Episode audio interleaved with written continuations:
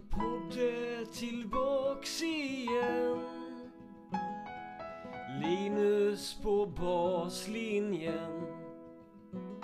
Ja, han är tillbaka igen. Linus på baslinjen. Det här avsnittet presenteras tillsammans med House of Bontin, destinationen för smarta träningsverktyg för tennis och paddel. Ni har väl sett att i sommar så har House of Bontin eh, tagit in en hel massa nya produkter i sitt sortiment som till exempel Angle Doctor, Wrist Trainer, Power Assist System, Knee Trainer eh, med mera, med mera. Så in och kika på houseofbontin.se och leta upp just det, verk det verktyget som kan hjälpa dig att förbättra din tennis. Använder ni rabattkoden LINUS så har ni 15% rabatt på hela sortimentet förutom slingerbag och redan nedsatta priser. houseofbontin.se Tack så mycket för samarbetet!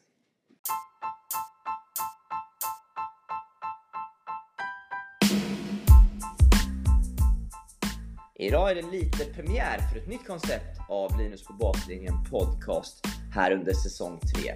Ni som hängde med på, under året på hemsidan såg att eh, jag testade ett, ett koncept som kallades baslinjetombolan där en gäst fick dra ett random ämne ur en tombola och så pratade vi om det här ämnet i några minuter. Nu bygger vi vidare på det här lite grann men i podcastkonceptet. Jag vet att det finns andra poddar som gör liknande saker men jag tycker att idén är ganska kul. Jag och dagens gäst kommer att lyssna på tre olika ljudklipp från tidigare avsnitt och sen så får gästen ge sin syn på det som sägs i de här ljudklippen. Vi har ju en enorm eh, bank av intervjuer och den kommer ju fortsätta växa med tiden. Eh, jag tror att det här avsnittet är avsnitt nummer 196 totalt som släpps eh, av Linus på Baslinjen podcast. Och det är ju så mycket saker som har sagts, både eh, smarta grejer, nya idéer, roliga saker, eh, kanske lite mm, mindre genomtänkta saker också. Eh, och det är kul att få ta upp en del av de här sakerna och diskutera vidare ihop med en ny person, eller kanske flera nya personer samtidigt. Vi får se vad det här leder till. Så idag så är Jonas Ronhagen gäst, chefstränare i Söndrums Tennisklubb. En av lyssnarna som har, eh, eller en av de personerna som kanske eh, jag ska inte säga störst fan av Linus på baslinjen eh, konceptet. Men jag vet att Jonas har lyssnat på alla poddar som finns och läst alla artiklar på hemsidan och därför kändes det perfekt att ha just honom som gäst här i den här första delen av den här lite nya serien. Vi får se hur ofta de kommer läggas ut. Det kanske kommer bli ofta, det kanske kommer bli jättesällan, men eh, vi testar och förhoppningsvis så kan det bli ett litet kul ehm, en kul variation i podden. För min idé är ju nu att man aldrig riktigt ska veta vad det är för typ av podd som läggs ut. Är det en vanlig intervju med en person? Är det en ett tombola-avsnitt? Är det Boats on the ground? Är det med flera gäster? Är det ett jättekort avsnitt eller är det ett långt avsnitt? Man ska aldrig veta. Nu kör vi! Jonas Ronhagen.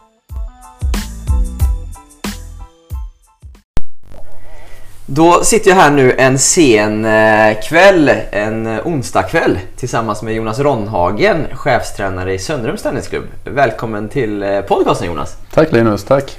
Tanken är idag att vi ska testa ett lite nytt koncept. En form av podcast-tombola mm. med lite segment från tidigare avsnitt av den här av podcastserien som, ja, som jag har varit med och producerat. Då.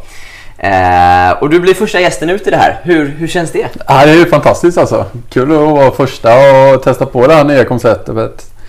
konceptet. Ja, men det ska bli kul. Eh, mm. första, första frågan jag tänkte ställa till dig Jonas innan vi går in på de här eh, ljudklippen som jag kommer spela upp för dig. Eh, du har ju lyssnat på många av eh, avsnitten från ja, podden. Jag tror till och med du har sagt att du har lyssnat på alla. Ja, det stämmer. Jag har lyssnat på alla och varit väldigt många och intressanta gäster. Eh, många man håller med om, vissa man håller mindre med om. Men ja, väldigt eh, roligt och fått många inblickar av hur andra upplever tennis i allmänhet. Ja men precis. Och, och då var ju liksom en given fråga nu. Kan du nämna något eller några avsnitt som du tycker har stuckit ut lite extra? Ja, men jag tycker det var intressant med Mikael Tillström det här med of Fizz och när han nämnde det här att eh, ja, kan jag få med den här spelaren att ja, bli bäst i världen? Eller vad är den här spelarens ambitioner med tennisen? Och ja, veta lite spelarens mål Mm. generellt. Liksom att eh, har den som ambition att bli bäst i världen och kan den kriga för det? Eller hur, hur upplever spelaren i sig det här? Just det. Att Vad spelarens målsättning ska vara i centrum. Ja, exakt. Ehm, så det är ju en. Fidde Rosengren är ju en annan när han nämnde brandstationen. Ehm, väldigt eh, intressant eh, att träna där efter och köra fys där. Ja. Det tyckte jag också var Just det. en grej där som man liksom, ja, inblick, ja ta med sig liksom att ja, träna på en annan plats som man inte föreställer sig liksom i den dagliga verksamheten. Mm. När man jobbar i klubbmiljö och så. Att, Mm. ja. Ja, det är två, två avsnitt som eh, eh, två av favoriterna tror jag från, för, för många av lyssnarna. Mm. Eh, bland annat. Eh, ha- har du några liksom, ämnen eller specifika lärdomar som du känner men det här är liksom är några takes som jag har tagit med mig från, eh, de, ja, från avsnitten generellt. Eh, Finns det något som liksom kanske du har diskuterat med dina kollegor eller som du själv känner men det här har varit ämnen som jag tyckt varit intressant att höra lite mer om? Ja, men rent allmänt alltså. Att alltså, ställa mer frågor till spelarna och det här liksom att de ska kunna klura ut lite grann om man ställer någon fråga eller visa någonting på whiteboard som vi använder en del av i, i Mm. Söndrum då. Eh, och liksom vänta lite grann och se om de är med i sammanhanget. Mm. Eller att man ändrar kommunikationen och försöker förenkla eller kanske till och med försvårar ibland. Alltså beroende på vilken målgrupp man har. Och se om de anammar. Alltså Mm. ett spelsätt eller någonting man vill komma fram med liksom. Eller ja, vad det nu gäller då. Ja, så att, att ställa mycket frågor. Ja, ställa Eh, mycket frågor. eh, Få dem att klura lite grann på det. Och det tycker jag någonstans att vissa spelare har fått med sig. Man ser alltså just när man följer på Instagram att man ser att de kollar i alla fall tennismatcher som man själv var uppvuxen med och den här biten liksom. Kolla Grand Slam eller kolla Swish Open eller Ja, de här liksom som man själv följde liksom. Just det. Sen Just var det. man ju själv liksom här på 90-talet. Ja, men man körde lite Björn Borg, alltså bollen mot väggen, gick in, Ja. kollade franska eller vad det var liksom. Och så gick man ut igen och så härmade man Ja, någon favoritspelare liksom. Just det. Eh, som man har tagit med sig då. just det. Just det. Ja, Både bra sammanhang och mindre bra sammanhang. Alltså, Just det. Safins bra grejer till exempel. och som Ja, men Jonas, du, eh, du och jag kände ju inte varandra innan eh, jag startade min podd. Eh, Vi lärde känna varandra lite eh, i och med att du skickade ett sms till mig på Instagram där du föreslog Marat Safin som gäst. Ja. Det tyckte jag var väldigt skönt. Jag frågade om du hade hans nummer, men det hade du Ja. inte. Eh, Men, men du tyckte jag kunde leta upp det kanske. Eh, Jag, där- hoppas, jag hoppas fortfarande på Safin som gäst här. Ja, det, det hoppas jag också. Det har varit väldigt roligt. Och det är ju också ett av avsnitten med Peter Lundgren. Där jag fick lite att Safin, du är kung av Ryssland liksom. Ja. Kommer vinna över Nalbandian liksom. Och, eh, han nämnde det med Davidenko innan tror jag det var. det möjligt, ja. Eh, att men du kommer slå honom liksom. Bara du, ja, Ja, ja. lite. Så det är, Peter Lundgren är också ett väldigt uppskattat avsnitt. Eh, han har ju varit med två gånger men framförallt första avsnittet var ju, är det många som också nämner som ett av favoriterna. Ja. Eh, om jag minns, minns rätt. Och det vill jag tillägga också att eh, serien med Ricky Hansson och Peter Lundgren och du när ni sitter och På snackar där, ja. på hemsidan varit väldigt intressant eh, och bra diskussioner när det blir mellan olika Just det. ja, deltagare som är med om man säger. Ja, någonting som jag Ja, hoppas kunna bygga vidare på i podden framöver med, med lite fler gäster så att man får Mm. ännu mer dy- dynamik i samtalen. Ja exakt, lite fler debatter eller ja, lite olika. Det gillar vi. Ja, Men Jonas, vi ska rulla igång det här. Vi har tre eh, ljudklipp som jag kommer spela upp för dig eh, ifrån eh, tidigare eh, avsnitt. Och så ska du få ge din syn lite på vad, gästerna säger. Jag har ju gjort det här lite i, i eh, säsong två, att eh, gästerna har fått prata om något som har sagts i ett tidigare avsnitt. Eh, Men nu tänkte jag att vi ska bygga hela det här lite kortare avsnittet på det. Eh, Så vi, kommer eh, spela upp tre stycken totalt för dig. Eh, En åt gången. Eh, Och du vet inte vilka ljudklipp det är. Eh, Nu Spännande. Eh, så, så vi tar den första helt enkelt och så pratar vi lite om det sen. Ja. Eh, du pratade om attityden där också. Mm. Eh, och om vi tar 12-årsklassen då, det är ju alltid liksom en, en diskussion i Sverige lite så här, hur, hur tidigt man ska liksom, eh, det är viktigt att vara, se proffsig ut och, och Mm. de bitarna. Så här. U- Upplever du att spelare eh, generellt sett från utländska miljöer som, som går lite längre i klassen, att de är liksom har börjat for, forma sin attityd som ett Jag tycker de har gjort det. Jag tycker de, alltså de bästa 12-åringarna är ju halvproffs redan känns det som. Ja, det är så? Ja det är det Ja. ju så. Alltså alltifrån förberedelserna, eh, alltså hur de, i princip hur de går på banan, hur de liksom har packat sin bag, Ja. hur de liksom har vatten och, och elektrolyter. Alltså det, ju, alltså det känns som de är halvproffs vissa av dem faktiskt. Ja, Tycker ja. jag. Okej. Ehm, och då är det lätt att om du inte har den attityden så blir du uppäten rätt kvickt alltså. Ja, ja, ja. Redan innan matchen.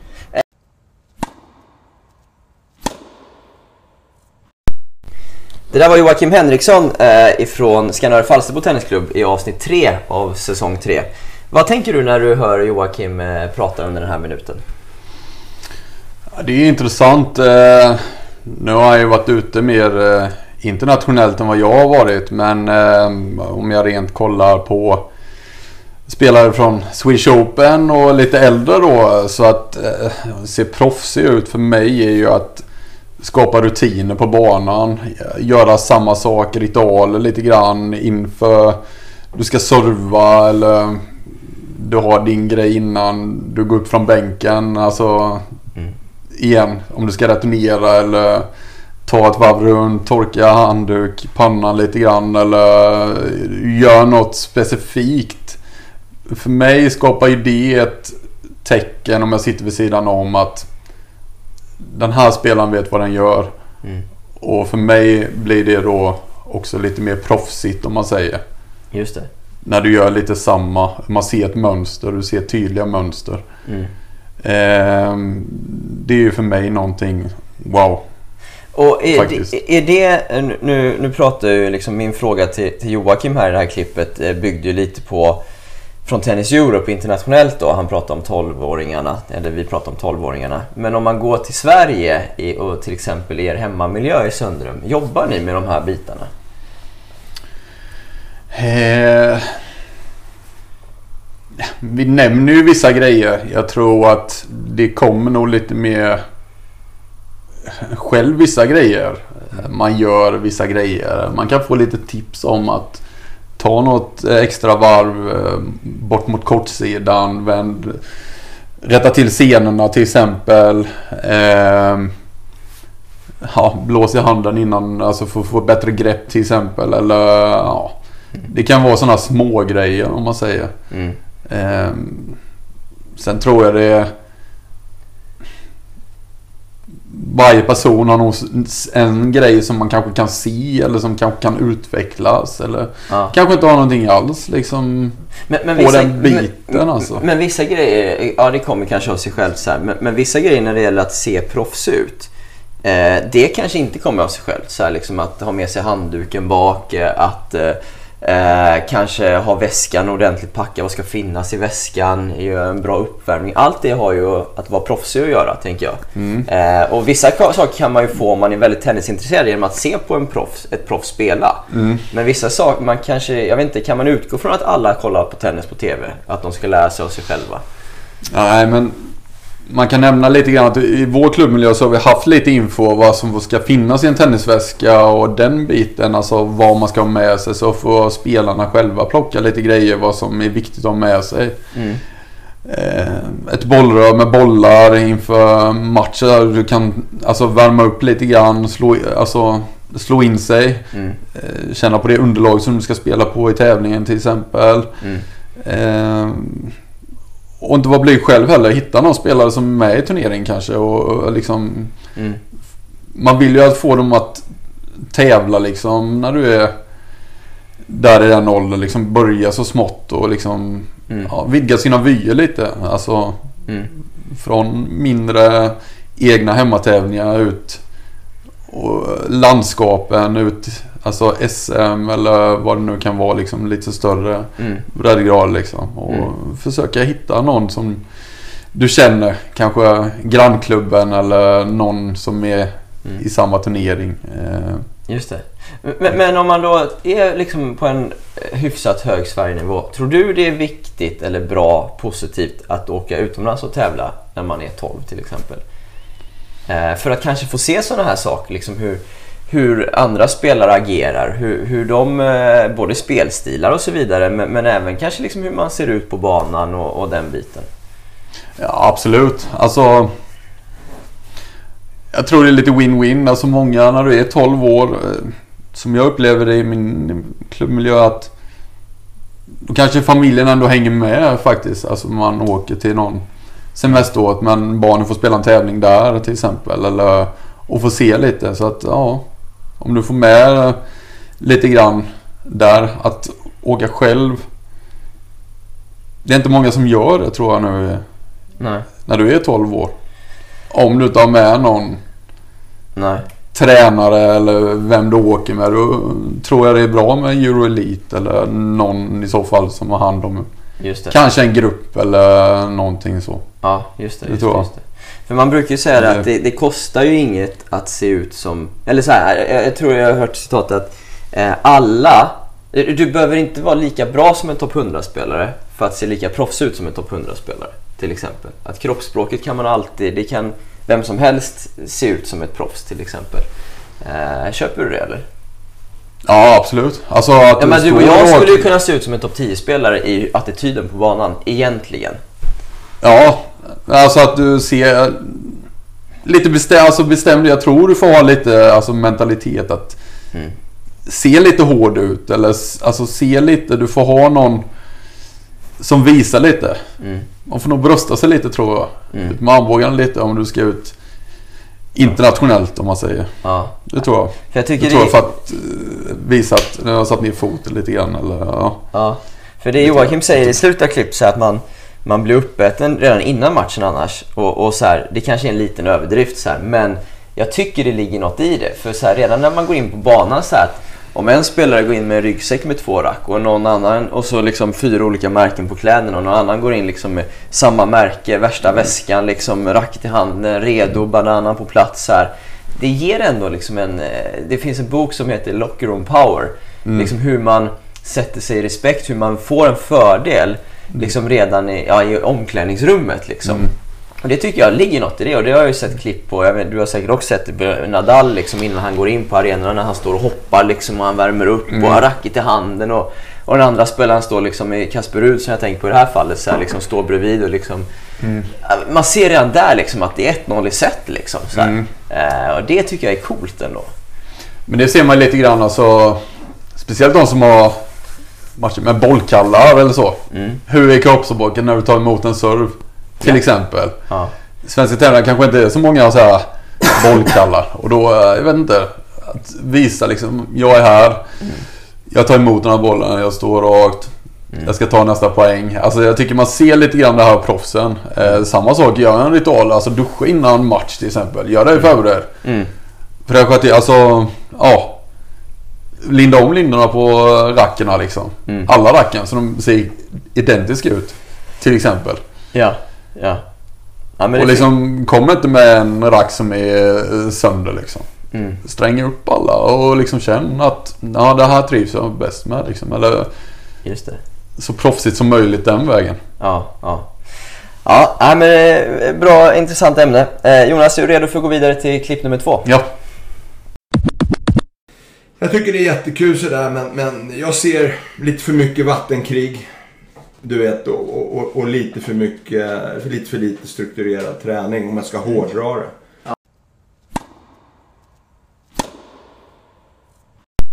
Och det där klippet var ju från ett av de mest eh, ja, men omtalade och omdiskuterade avsnitten eh, ur poddens historia skulle jag vilja påstå. Eh, Julius Denburg, eh, avsnitt 1 av säsong 3. Eh, Julle har ju varit med en gång tidigare också men det här var alltså avsnitt 1 av säsong 3. Vad tänker du när du hör honom prata om vattenkriget här Jonas? Eh, ja, det är ju någonting vi själva har i klubben när man har summercamp och så. Eh, köper definitivt när man är ute kanske i match eller du är liksom eh, Next Generation eller någon sammanslagning av en grupp eh, där du är en tävling om man säger. Så blir det ju stor skillnad skulle jag säga och mm, jag håller helt med där. Det kanske är för mycket det. Jag har inte sett det själv men eh, jag upplever ju definitivt det där att det skulle kunna vara när dagen är slut eller alla matcherna är över för dagen att där vill man ju se lite mer organiserad träning. Att du kör någonting med gänget som är med eller den spelaren som är med eller Mm, så. Det skulle jag ju definitivt. just det. Speciellt nu när det är grussäsong och vi sitter här och det är ljust väldigt länge liksom. Ja. Och banorna står tomma så passa på liksom. Ja. Ja, Om man ska... Om jag ska Kanske lite svårare innesäsong eller typ i Sverige i alla fall. Eh, nu tänker jag mycket grustennis och då Mm. tänker jag att banorna står ju ofta lediga i alla fall på svensk mark. Eh, Om man ska sätta citatet lite mer i en kontext då, så, så kommer jag ihåg att jag och Julle pratade om att eh, under Båstad Tennis, vi spelade in det i Båstad under Båstad Tennis när han var där som ledare. Och han menar ju liksom att det, det var lite för, för mycket, ja men lite för mycket lek ibland, lite, lite för oseriöst. Att det var lite för lite ja men strukturerad träning som han säger, lite för lite uppstyrt och, och att man var där för att faktiskt lära sig och sätta rutiner. Och, och i, i slutändan kommer vi väl fram till att det kanske var ledarnas ansvar att liksom att eh, varför man inte eh, styrde upp det ibland på ett bättre sätt. Eh, vad, vad tänker du kring, kring den grejen? Så det beror ju lite på vad barnen är med i. Är det med i något camp eller någonting där det är liksom en mix av det. Då köper jag ju helt och hållet att man ska ha eh, kul också. Eller då, för då är det ju målet att ja, du får båda delarna kanske. Mm. Som en kamratskap och det. Men är det liksom i en match camp eller du är där i en tävling eller något. Då tycker jag det borde vara lite mer allvar faktiskt. Alltså. Mm. Oavsett om du har förlorat eller om du är kvar i turneringen eller du försöker att ja, strukturera upp någonting kanske och, och köra. För, för jag, jag tänker ju att, eh, att man har skickar en ledare på en tävlingsresa som till exempel till Båstad. Det måste ju vara för att man vill lära eleverna att sätta vissa rutiner. Hur, hur, hur är man, hur är man liksom en tennisspelare på en tävling? Så här, att gå upp i tid, när ska man äta frukost? Eh, ska man bolla in? Eh, hur, alltså efter en match så, så tänker jag i alla fall, nu har jag i och för sig varit med äldre spelare på senare år, men att man, liksom, man, man tränar ofta efter matchen också. Det kanske inte behöver vara att man tränar två timmar såklart, men man, man går in och gnuggar någonting. Liksom. Eh, att liksom, hur, hur är man en tennisspelare? Hur är livet som en tennisspelare? Eh, det tänker jag är en tränares stora uppgift när man skickar, en klubb skickar en ledare på en tävling. Eh, om man är där och kanske bor på platsen också. Det är en annan sak om man Ja, nu vet du från, från Halmstad, så här, ni bor hemma under tävlingen. kanske blir en liten annan grej. Så. Men, men för de flesta som skickar ledare och, och bor med, med liksom på en annan ort under tävlingen. Eller vad tycker du? Det det jag känner ju lite grann, det beror ju på hur många spelare de är. Har du någon ledare till så är du två ledare. Eller är du till och med tre ledare. Eller är du själv. Och hur du ska planera upp det därefter liksom. Är det viktigt att få dem i säng så de är, får sina sovtimmar och kvällsmat och den biten efter match. Eller kan du splitta och ha en ledare till som sköter liksom det här mer runt omkring och en som styr på banan. Och, alltså kan du dela in det i två grupper och växla, alltså växelvisa. Mm. Eh, lite grann. Eh, ja, alltså jag tror det är viktigt. Det beror på lite grann där hur... Om man är själv eller om man har någon fler ledare med sig. Så man kan kommunicera med någon som ledare. Ja. Någon annan också liksom, som är med dig. Ja, Och köra. Det Just tror jag är jätteviktigt. för, för, för jag har... Oftast så kan ju jag hålla med som Julius att, att banorna står ju ofta tomma. Om man tänker Båstad som har 14 grusbanor och efter matcherna är slut kanske så har du någonting Mm. någon timma till eller någonting innan ja, det blir mörkt till exempel. Och, Jag minns för några år sedan, nu vet jag inte hur det är just nu ska jag säga. Men, men jag vet för några år sedan, jag var ju fullständigt vansinnig eh, under Boston Tennis ett år. När, eh, som du säger, banorna står tomma. Eh, junior, man, en stor diskussion var i Sverige upplevde jag just då, för fyra år sedan kanske. Eh, att man pratar om att ah, men det måste vara till mer spontantennis för att svensk tennis ska lyfta. Ungarna måste spela mer på egen hand. Och så var man i Båstad på Båstad Tennis. Banorna stod tomma när matcherna var slut. Ungarna gick in och ville spela. Skickades av banan för att ni måste gå och boka och betala i receptionen för att få spela. Och då var jag så här, men allvarligt talat så här. Vill vi inte att kidsen ska spela mer tennis? Ska de inte få gå in och spela då? Liksom en kvart och spela liksom, eh, något kul på banan när banorna är, liksom är tomma. Måste de gå och betala, jag vet inte vad det är, 300 spänn för att spela då? Jag var så lack, minns jag på det. Och det tycker jag är, ja, det är ju helt fel. Just när du är med i en tävling eh, på banorna så tycker jag då ska du inte behöva betala eh, för att spela efter när matcherna är över liksom. Utan då, då tycker jag som klubben som arrangerar ska ju bjussa på detta. Mm. Och klubben eller region eller vad det nu är ska ju kunna hålla i en träning. Mm. Det tycker jag. Det- Det, det- handlar om en utbildning för spelarna. Ja, eller få ett... Vad säger man? En, alltså rabatt i alla fall.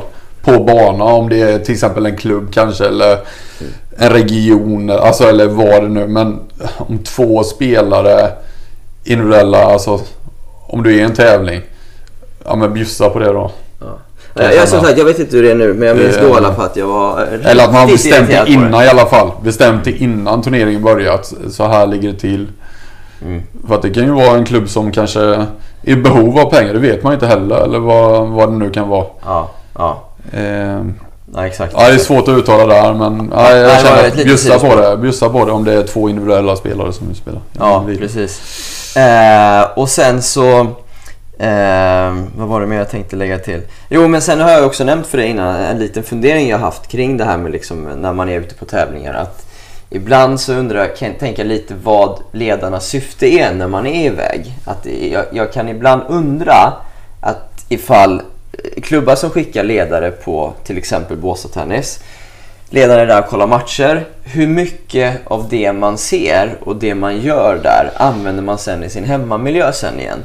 För ibland tänker jag så att man, man är där, man kollar matchen, man sitter och pratar med spelaren två minuter efteråt. Och då tänker jag att då måste ju syftet vara att det man ser ska man hem och jobba på sen. Eh, kanske förändra liksom terminsplaneringen om man märker att det finns något generellt för alla spelarna. Man kanske sätter upp en ny individuell utvecklingsplan för just den här spelaren. Och där kan jag ibland undra ifall det verkligen görs av ledarna. Eller om man mest är iväg för att det är gott att äta en gratis hotellfrukost på klubbens bekostnad liksom, och, och eh, träffa lite kollegor eh, någon vecka per år. Så. Mm. Vad tror du? Ja, det är också svårt. Alltså är det... Är det klubbens spelare du åker med eller är det som Next Gen eller? För Nej, jag tänker om det är klubbens Det är spelare. klubbens Ja. spelare, ja. Ja, där är det viktigt. Alltså vem har denna spelaren mest? Alltså vem... Även om man är två tränare där så är det nog viktigt att ha den tränaren som du tränar mest för. Mm. Som du känner mest trygghet för och som förklara övningar hemma eller kan förklara en matchsituation efter match. Mm. är viktigt för att bygga vidare hemma och kunna reflektera över matchsituation Mm. till träning igen om man säger. Ja. Det var den här situationen som gäller nu. Vi snackade om här. Ehm, ja, det. det tror jag är viktigast eh, där. Mm. Så att man inte kanske får någon som man har mindre av liksom. Alltså det är nog viktigt att man delar upp där och ja. Mm. Eller man kör, ibland kör vi hemma miljö, alltså två tränare naturligtvis på en grupp om man säger. Ja, då, då kanske man kan välja upp det lite mer om man säger men ja. Ja. Eh, för att runda av den här, eh, den här diskussionen kring det här segmentet. Eh, I avsnittet med, med Julius Denburg så, så var det ganska mycket prat om liksom hur eh, att eh, man, träning ska bli mer seriös för spelare i yngre åldrar. Vilket även det här klippet liksom antyder lite att det, det kanske är, är lite för mycket lek ibland. Så här. Vad, vad tänker du generellt kring det eh, i yngre åldrar? Behöver det bli mer seriös träning tidigare? Ehm. Ja, men jag tror det. Jag, känner igen lite grann från hemmamiljö att det är lite för mycket trams ibland faktiskt. Det kan jag uppleva också lite grann. Alltså just det här respekten och alltså lyssnandet och alltså ta den tid när du är på tennisbanan seriöst. Mm. Leka kan vi göra någon annan gång lite grann. Det, det kan jag känna igen lite grann och i alla fall få så mycket med rack och boll som möjligt på tennisträningen. Mm. Inte för mycket älgjakt och alltså som eh, något annat där. Nej. Övningar. Jag vill gärna ha rack och boll och alltså Sen är det ju liksom, man får ju känna av läget och vi snackar där 28-10 år liksom. Får man ju se lite grann alltså. Vad lägger de krutet på? Är det, jag tycker just midi kan vara en svår balansgång lite grann där. Mm. Ja men det kan jag väl förstå. och vilket vägval de gör där. För att där kan jag känna fortfarande mycket olika idrotter och Mm. ja. Ja det, det är lite lurigt. Det är lite Sen, lurigt. ja, sen efter där grön tycker jag då kan man bli lite hårdare faktiskt därifrån. Mm. Men ja, orange, eh, hårfin balans där tycker jag i alla fall. Eh, det är min känsla där. Ja, jag är med. Vissa spelare. Ja. Jonas, vi går in på det tredje och sista ljudklippet. Eh, si- si- sista frågan om college, eh, Kalle. Eh, jag, förstår ju den här biten med att många tycker det är spännande med ett äventyr och, och ser en bra möjlighet med att flytta över till, till USA eh, efter gymnasiet. Det som blir en liten problematik i Sverige blir ju att det blir ett stort hål när liksom Mm. Så många ändå relativt duktiga spelare lämnar Sverige. Det blir liksom färre spelare att sparra med för de som är kvar hemma Mm. på vinter och sommartorer sänks och så vidare. Eh, hur, hur ser du på den problematiken utifrån ett svenskt tennisperspektiv? Eh, Hur, hur, liksom, behöver vi hitta ett alternativ till college hemma? Eller hur ska vi liksom tänka? Är det kört med den biten? Liksom, eller? Ja, nej men som du säger, på ett sätt är det jättesynd att de spelarna försvinner just för svensk tennis. Men Mm. samtidigt så finns det finns inget likvärdigt alternativ för spelare i den åldern och på den nivån i Sverige. Så att Nej. det, det, det, är svårt att, det är svårt att göra något annat än åka till college Ja. ja. efter gymnasiet.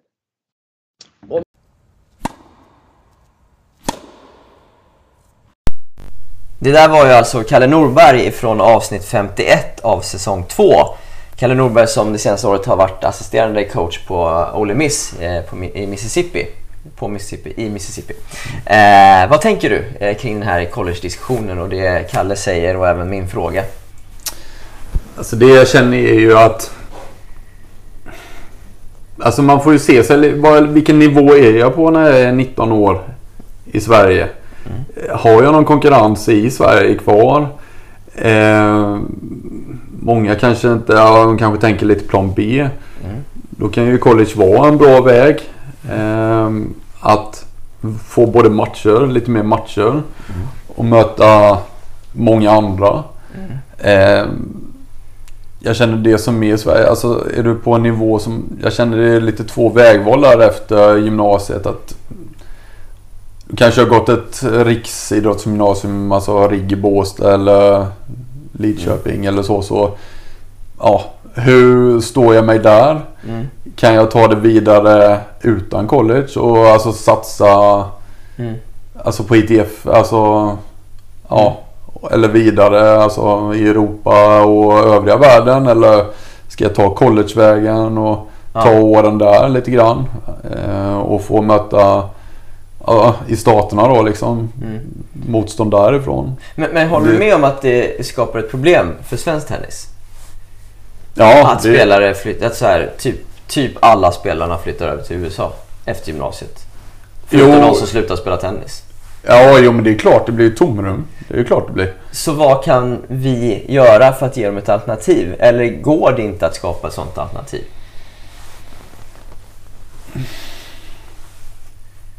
Ja, man, f- man får ju tänka kanske lite grann. Kan man göra något liknande som de gör på college i USA? Kan riksidrottsmöten möta varandra på något sätt? Alltså kan man göra någonting Samarbete i, med samarbete universitet, mellan liksom. dem? Ja, någonting.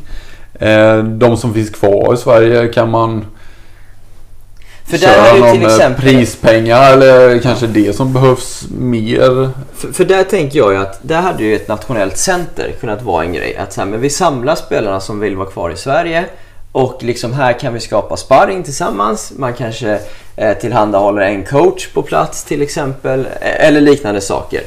Och när vi nu inte har något nationellt center då kan jag tänka personligen eh, att det kanske är lite viss, alltså storklubbarnas uppgift. Det är svårt för en klubb som Söndrum till exempel att så här, men vi tar hand om alla spelare som inte vill åka till college. Så här. Men till, vi har ju några större klubbar, eh, nu bara namedroppa Fairplay, Salk, eh, eh, GLTK och så vidare. Det kanske är lite så att de här klubbarna bör ta ett sånt ansvar. Att så här, men vi, vi, vi, vi, vi skapar ett alternativ till att åka över till college. Så här, vi, vi, vi erbjuder viss träningstider, vi erbjuder en tränare på de här passen, vi, hjälper, vi, vi liksom skapar samarbete med högskolor som ligger i närheten så här, till exempel. Så jag menar, eh, det, det, är, det är svårt för liksom Falkenbergs tennisklubb att göra det. Men det kanske är någonting som eh, Salk borde ta ett ansvar och göra. Vad tänker du? Ja, Salk som ligger i Stockholm har jättebra möjligheter. Eh, Men då, Vi- Salk, LTK, eh, Fair Play. Sveriges Ja. tre största städer. Boom! Mm. Tre av de största klubbarna i landet. Vi erbjuder kan alternativ. vi, kan vi göra det i Halmstad? Geografiskt sett, inte lika stor stad naturligtvis, men geografiskt ligger vi mittemellan Göteborg och Malmö. Mm. Alltså vad finns det för möjligheter? Kan vi locka till spelarna där? Mm. Ehm, sen så är det lättare med storstäder naturligtvis att få Mm. folket dit. Men det ja, det är lite intressant vad man... Ja, för, för just, nu, Kan- just nu tycker jag i alla fall att det är liksom att vi har börjat inse att så här, vänta nu. Det är, jobb, det är inte så positivt för svensk tennis att alla spelarna flyttar över till USA. Eh, för sparringen blir mindre, startfälten i våra tourtävlingar är uppenbarligen mycket svagare sista året. Så. Eh, men samtidigt så kan vi ju inte liksom lipa över det för vi har ju inget alternativ att erbjuda spelarna. Eh, och då måste man börja med att skapa ett alternativ tänker jag. Och sen kan man börja så här ifrågasätta, vad- liksom, är det verkligen rätt av spelarna att dra? Så här, vi har ett bra alternativ på hemmaplan. Just nu har vi inget alternativ på hemmaplan. Nej, och det hoppas jag att man kan skapa här på något sätt. Och så jag tror Växjö skulle kunna vara, alltså med deras eh, kultur, alltså och, Växjö var ju inne på det. att starta en sån grej, om jag minns rätt. Eh, med Ready Play där borta. Men, men nu finns ju inte en steg kvar. Men jag kan ha minnas lite fel här. Eh, men det blev aldrig någonting. För det tror jag är en bra mittpunkt också där. De skulle eh, kunna ha den kapaciteten tror jag. Eh, Risiga tågförbindelser till Växjö. Men det är en helt annan sak. ja, det kanske är Men då har du Nässjö till exempel. Över. Kanske. ja, men det kanske är en annan grej. ifrån, men ja. Nej, men jag, jag tror det finns. Men man får nog göra någonting.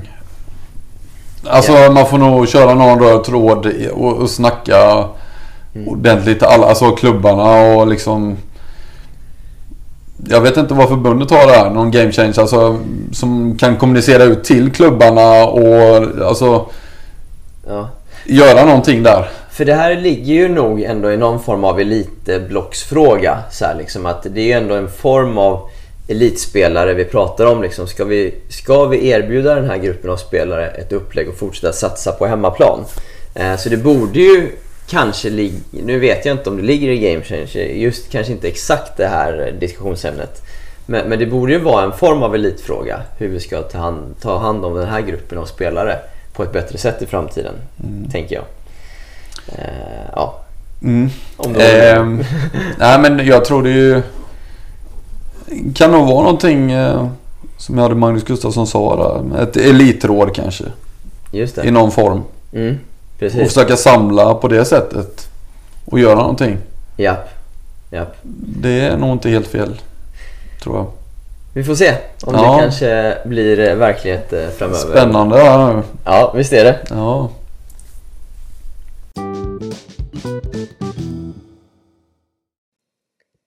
Är ni ute efter att köpa ett nytt tennisrack eller kanske behöver nya tennisskor?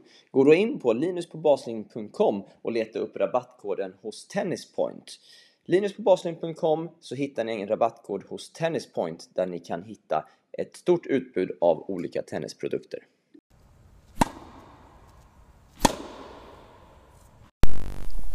Jonas, det där var de tre ljudklippen eh, för det här avsnittet. Hur kändes det? Ja, men det var bra. Det är kul.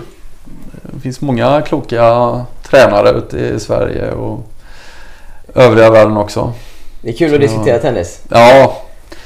Eh, sen så har jag lättast när jag lyssnar på dina poddar med de, de som talar svenska engelska och förståelse för tränare. Just det. Så du var glad att jag inte föreslog engelska den här gången? Ja, faktiskt måste jag säga alltså. Ja. då- ja.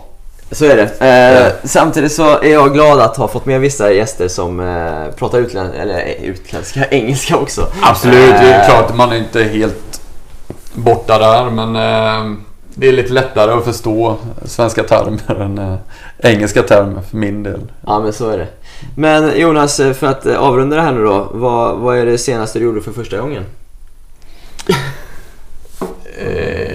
Oj.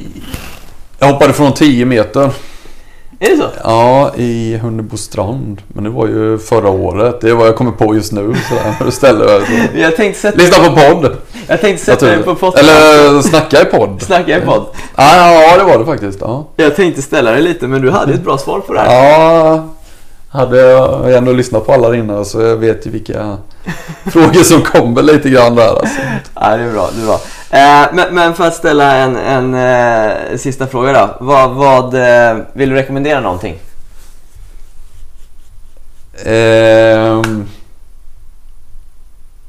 Ja, Anders Hansen tycker jag är väldigt bra på SVT Play. Mm.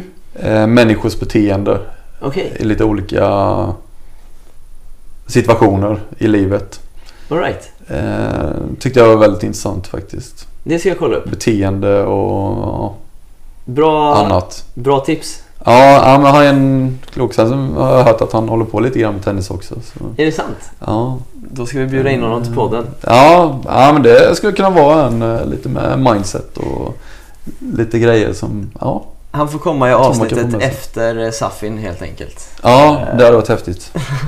Nej, bra Jonas. Eh, tack så mycket för att du var med och delade med dig av dina åsikter idag. Tack själv Linus.